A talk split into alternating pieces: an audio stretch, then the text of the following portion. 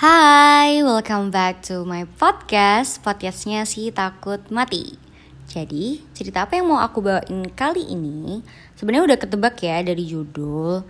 Uh, Kita mau ngomongin apa Tapi coba kita omongin di uh, dari awal dulu ya.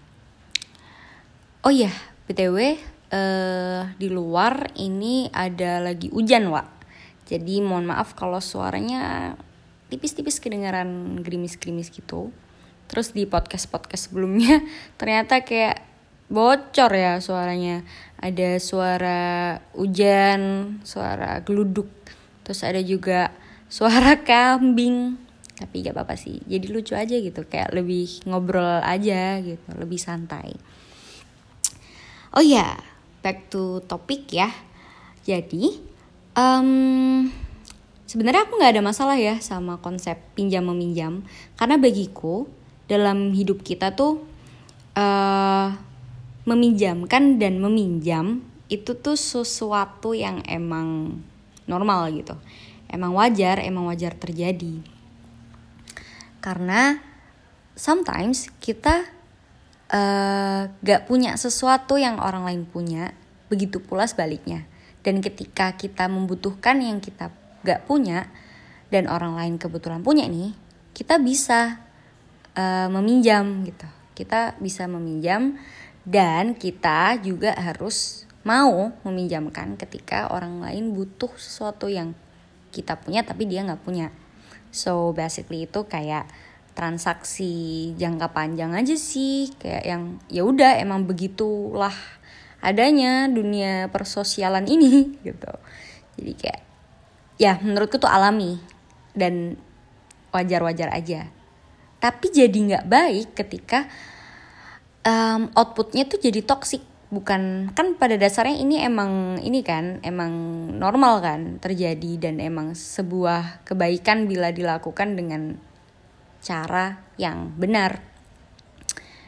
Ya jelas-jelas kita saling membutuhkan kita jadi saling percaya kita juga saling bertanggung jawab kita juga saling apa ya menguatkan gitu loh di sosial. Kalau misalnya pinjam meminjam ini dibudayakan dengan baik alias eh, nggak uh, jadi buruk nggak jadi toksik gitu. Nah kalau jadi toksik tuh kayak gimana? Salah satu uh, penjelasannya adalah yang akan aku ceritakan. Uh, jadi ceritanya ada dua nih ya. Yang pertama ada temen aku yang pinjem kalimba aku. Sebenarnya simpel ya, kalimba doang gitu. Kalau kalian nggak tahu kalimba itu apa, kalimba itu adalah alat musik yang sederhana, kecil bentuknya, uh, kayak cuman kayak buku, bentuknya tuh sebuku gitu. Terus um, bunyinya sederhana juga, cara memainkannya pun cuman di apa ya namanya dicetak-cetak doang. Cetak gimana sih cetak? Pokoknya di uh, jarinya tuh cuman main jari doang gitu. Dan bener-bener bisa dimainin kapan aja dan di mana pun. Kayak sesimpel itu emang. Dan bisa dibawa ke mana-mana punnya. Ini loh yang penting buat aku.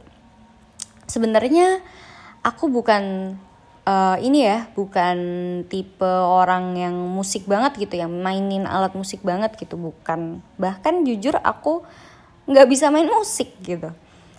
Nah karena kalimba ini punya efek menenangkan sebenarnya semua musik kayak gitu ya semua instrumen musik. Cuman kalau kalimba tuh apa ya? Kalimba tuh karena mungkin dia simple terus uh, gampang dibawa ke mana-mana dan suaranya nggak terlalu gede-gede banget gitu. Dan bentuknya cantik. Uh, itu tuh cukup bisa menenangkan aku. Karena aku punya kondisi mental yang butuh apa ya dalam tanda kutip pawang gitu. Kayak uh, butuh buat ngendaliin emosi aku butuh buat ngendaliin mood aku butuh buat ngendaliin pikiran aku itu jadi stabil ketika uh, memainkan alat musik bernama kalimba ini nih gitu. nah um, suatu hari teman aku ada yang main ke rumah. Sebenarnya nggak deket-deket banget justru kayak apa ya nggak deket banget. Sebenarnya dia tuh cuman adik kelas aku kebetulan kita bertetangga waktu itu. Jadi kayak ya ya kenal main bareng cuman nggak yang deket banget itu tuh enggak Nah kita waktu itu kita main bareng Terus dia main ke rumah aku secara tiba-tiba sebenarnya kayak nggak ada rencana mau main. Terus tiba-tiba dia main ke rumah Terus masuk ke kamar aku dan menemukan si kalimba ini gitu. Terus dia main-main kan. Ya nggak masalah sih. Maksudnya dia uh, Maksudnya kalimba tuh bukan yang sensitif banget gitu loh Kalau dipegang orang buat aku. Cuman jadi masalah nih ketika tiba-tiba dia ditelepon kan sama ayahnya.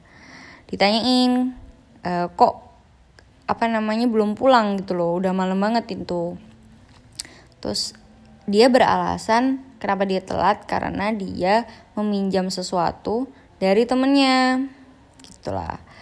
Terus kayak karena panik nih kayak panik cepet-cepet pulang oh, udah dimarahin. Terus dia juga beralasannya kayak minjem barang otomatis kan harus ada sesuatu yang dia bawa dong. Dan yang ada di depan kita pada saat itu ya Kalimba. Karena aku karena aku ikut-ikutan panik jadi ya udah kan kayak aku ya udah ya udah kayak dia pinjem terus aku minjamin emang ya udah terus kayak dia bawa. Dia bilangnya tuh besok besoknya bakal dikembaliin. Dan posisinya aku emang lagi stabil saat itu. Tapi berkali-kali setiap kali ditagih itu ada aja alasan. Namanya orang ya kayak ada aja alasan. Terus dia beralasan inilah itulah inilah. Sampai aku kadang-kadang ini ya kayak curiga apakah kondisi kalimbaku tidak baik-baik aja ya sampai dia beralasan sebegitunya gitu. Sempet waktu itu dia minjem buku aku kan dia mau minjem buku aku terus uh, kayak aku tungguin lama banget terus akhirnya aku gantung di pagar aja buat dia ngambil dan perjanjiannya itu adalah dia minjem buku aku uh, dia ngembaliin eh dia sekalian ngembaliin kalimba aku gitu. Tapi ternyata dia lupa bawa kalimbanya. Terus ya udah uh, ada aja lagi tuh alasannya besoknya besoknya besoknya. Terus uh, udah hampir setahun ya kayaknya berlalu. Aku udah nggak di kota yang sama udah nggak di rumah yang sama. Udah berpindah. Tapi perasaan jengkelnya nih perasaan kayak masih di apa kayak masih diutangin nih itu tuh ada gitu kebawa sampai sekarang. Padahal udah lewat bermasa-masa gitu kan. Udah lewat udah beda lem eh lembar. Udah beda lembar ini tuh. Cuman aku masih kayak kesel banget gitu. Akhirnya uh, dan tuh kayak kebawa tiap kali ngelihat dia.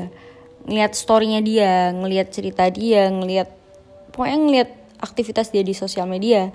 Itu aku kesel rasanya pingin nagih aja pingin nagih aja. Padahal sebenarnya aku udah kayak ngeiklasin si Kalimba ini. Kayak kalau nggak balik ya ya udah. Lagian berapa sih? Cuman berapa gitu loh. Terus ya udah akhirnya aku aku unfollow uh, Instagramnya karena menurut aku justru jadi toxic ketika ngeliat dia. Jadinya aku kayak mengharapkan kembali kembali kembali gitu. Kayak katanya udah kamu ikhlasin tapi kamu masih nagih-nagih. Maksudnya kayak masih hatimu tuh masih minta kembali gitu. Kayak jadinya aneh aja gitu. Akhirnya aku unfollow supaya uh, jiwa ragaku sehat. Gak sih emang apa ya menurut aku unfollow uh, unfollow Instagram akun sosial media itu bukan sebuah tindakan yang menyelesaikan, bukan, bukan juga mengakhiri, tapi cukup efektif untuk mengakhiri sebuah cerita gitu, sebuah bagian dalam cerita. Kayak ya udah bagianku marah-marah dan tidak ikhlas mengenai perpinjaman ini udah berakhir ya. Gitu. Nah, itu cukup efektif, cukup efektif akhirnya aku udah udah bebas tuh dari rasa ingin kembali ingin meminta kembali nah yang kedua adalah uh, hubungan aku dengan temen aku sebenarnya juga nggak deket-deket banget juga ya ah bingung juga nih kenapa kalau dipikir-pikir ya per dunia perpinjaman ini selalu dengan orang-orang yang tidak begitu dekat. Cuman jadi dia ceritanya butuh uang nih dia pinjam ke aku tapi aku gak ada uang segitu banyak. Jadi aku saranin buat pinjol pinjaman online. Dan emang banyak pinjaman-pinjaman online setahu aku ya yang uh, aman gitu yang emang diawasi sama OJK gitu yang legal. Jadi aku saranin beberapa nama aplikasinya nama platformnya itu. Terus tiba-tiba dia kembali lagi nih bilang kayak ternyata limit aku tuh nggak cukup. Ternyata uh, apa namanya dari aplikasi-aplikasi tersebut limitnya ke dia tuh nggak cukup buat uang ini buat uang yang dia butuhin buat minjem uang yang dia butuhin. Akhirnya dia pinjam akun aku.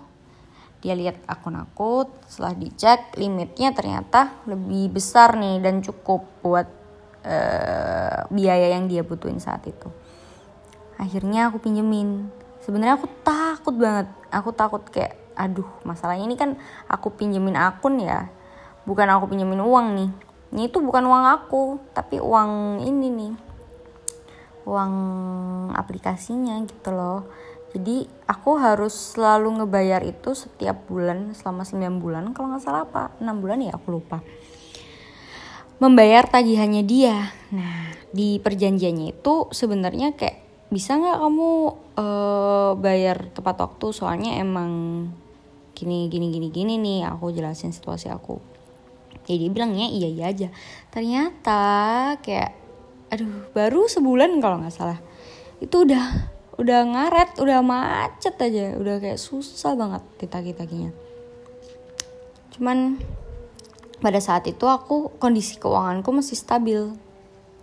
Dan kayak kebutuhanku pun nggak terlalu membludak kayak sekarang gitu ya kayak akhir-akhir ini. Uh, dalam jangka waktu itu aku ya udah aku kayak talangin aja dulu aku talangin dulu sampai dia mau bayar kapan pun. Kayak aku nggak bisa tegas gitu loh. Karena dia selalu memberikan alasan ada aja alasannya. Cuman alasannya tuh selalu yang kayak di kepala aku tuh kayak yang oh mungkin aja dia emang apa ya dia emang lagi mengalami situasi yang sulit seperti itu sampai akhirnya dia nggak bisa bayar dulu dan lain-lain. Tapi tapi tapi tapi tapi itu nggak berlaku lagi ketika aku di masa yang sulit. Jadi aku lagi kesulitan nih sama ekonomiku sendiri sama finansialku sendiri. Uh, tapi aku masih harus bayar tagihannya dia setiap bulan.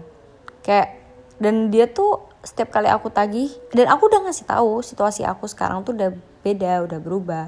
Bisa nggak tepat waktu? At least tepat waktu aja aku cuma minta tolong itu gitu. Karena aku takut ketika uh, apa namanya tanggal tagihannya ini jatuh tempo aku jadi apa aku nggak ada uangnya gitu loh takutnya. Jadi aku nggak bisa nalangin dulu dan akhirnya malah bunga. Bunganya besar. Ya ya nggak apa-apa sih kalau misalnya itu kayak hubungannya cuma berdua doang antara aplikasi dengan kamu. Masalahnya ini ada akunya gitu loh. Jadi teknisnya tuh aku ya teknisnya dia bayar ke aku ke rekening aku terus aku bayar ke uh, aplikasi ke akun itu. Karena pakainya akun aku kan atas namanya atas nama aku. Jadi kayak susah kalau misalnya kamu kalau misalnya aku nggak bisa bayar nih nggak bisa nalangin dulu terus kamu nggak bayar bunganya ini juga susahnya di aku juga gitu. Dan aku juga nggak bisa dan kamu nggak bisa ngasih jaminan juga kalau uh, kamu bakal bayar bunganya juga gitu. Terus ya udah kan uh, terus aja kayak gitu sampai detik ini nah yang bikin aku ngerasa toxic adalah karena setiap kali dia beralasan, yang terdengar di telingaku tuh cuman, wah ini alasan baru. Ini cuman dia bikin alasan lain aja. Dia lo bisa kayak gini gini gini di storynya. Dia lo bisa kayak gini gini di story teman-temannya. Masalahnya aku juga sadar kalau apa yang aku lihat di sosial media itu belum tentu dia bener-bener kayak gitu. Bisa aja dia kayak bersenang-senang di sosial media dia lagi di mana gitu tapi dianya dibayarin aja gitu sama teman-temannya. Dia ngikut aja atau dia ada job di situ. Kan kita nggak tahu. Kayak uh, menurut aku jadi toksik ketika aku berasumsi kalau dia berbohong terus. Sedangkan ini temanku sedangkan aku niatnya bantu dia di awal tapi kenapa aku jadi kayak meminta apa ya meminta kebaikanku kembali sih gitu. Ya itu mengapa aku merasa kalau mau ngebantu orang mending akadnya mending niatnya di awal bukan minjemin deh tapi ngasih. Udah kasih aja kalau kamu mau bantu dia dia butuh apa kamu bisa ngasih kasih aja. Kalau enggak jangan. Jangan sekali-kali kayak minjemin Soalnya kalau kamu minjemin, itu artinya kamu menggadaikan kebaikanmu gitu. Kamu selalu mengharapkan kebaikanmu kembali. Mempertanyakan juga kebaikanmu, apakah udah tepat kamu kasih ke orang orang itu karena ya ini kalau ada drama-drama alasan-alasan pengembalian ini jadinya kayak kita mempertanyakan gitu loh kayak bertanya apakah orang ini layak untuk dipinjami apakah orang ini juga berjuang uh, mengembalikan uang itu, mengembalikan pinjaman itu. So jadinya nggak terlalu baik gitu untuk untuk ya untuk ya untuk sosial ini, untuk pertemanan, untuk untuk bahkan untuk diri sendiri ya untuk kepuasan diri sendiri. Kayak rasanya aduh gitu deh. Ya kayaknya itu aja sih cerita dari aku untuk episode kali ini. Intinya, kalau misalnya mau minjemin sesuatu, mending nunggu ketika kamu bisa ngasih gitu. Ketika kamu gak perlu mengharapkan dikembaliin. gitu sih, itu yang aku pelajari. Terserah kalian mau setuju atau tidak, gak apa-apa sih. Cuman aku menyampaikan aja apa yang ada di pikiran aku. BTW makasih udah dengerin ya. Terima kasih sudah entah sengaja atau tidak mendengarkan episode kali ini sampai selesai. Dan see you di episode-episode lainnya. Bye.